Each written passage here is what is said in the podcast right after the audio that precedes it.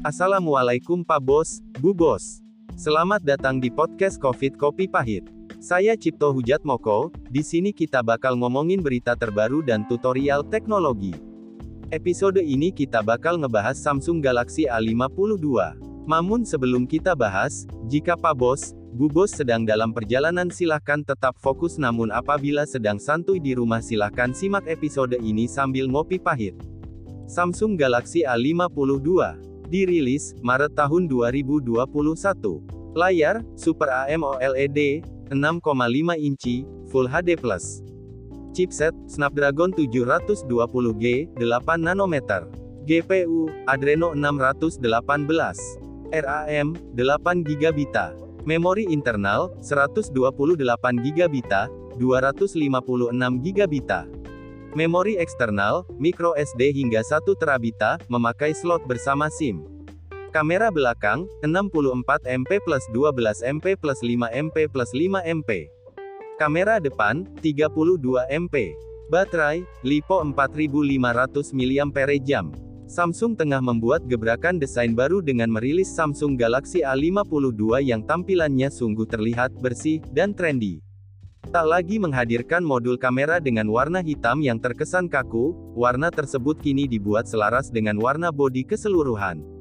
Samsung Galaxy A52 juga tergolong pada seri Galaxy A pertama yang sudah menghadirkan sertifikasi IP67, padahal biasanya hanya seri flagship yang dihadirkan fitur ini. Berbekal layar Super AMOLED yang jadi andalan Samsung, rupanya tidak mencegah ponsel untuk menghadirkan laju penyegaran tinggi juga yakni 90 Hz. Tidak hanya tampilannya saja yang fresh, melainkan juga dapur pacunya. Yang biasanya menawarkan chipset Exynos bikinan Samsung, kini ponsel seri Galaxy A ini malah menyuguhkan Snapdragon 720G.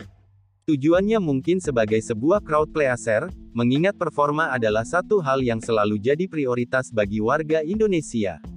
Kendati chipset ini terkesan jadul karena beberapa pesaing sudah hadirkan Snapdragon 732G atau yang lebih baru, namun tetap saja kita tidak bisa lupakan tingginya performa Galaxy A52 ini. Setidaknya ponsel sudah berhasil meraih skor 261.282 pada benchmark Antutu V8, terbilang tinggi di kelas harganya walau bukan yang terbaik. Kemampuan kameranya juga tidak bisa dianggap remeh, menyuguhkan kuat kamera 64 MP yang sudah dibekali OIS agar dapat menghindari jello efek saat videografi.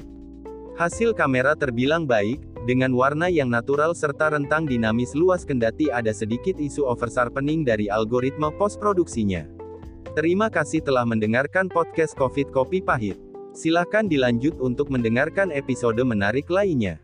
Kunjungi juga channel YouTube COVID Kopi Pahit, atau jika Pak Bos, Bu Bos ingin menghubungi saya, kunjungi Instagram Covid Kopi Pahit. Sampai jumpa.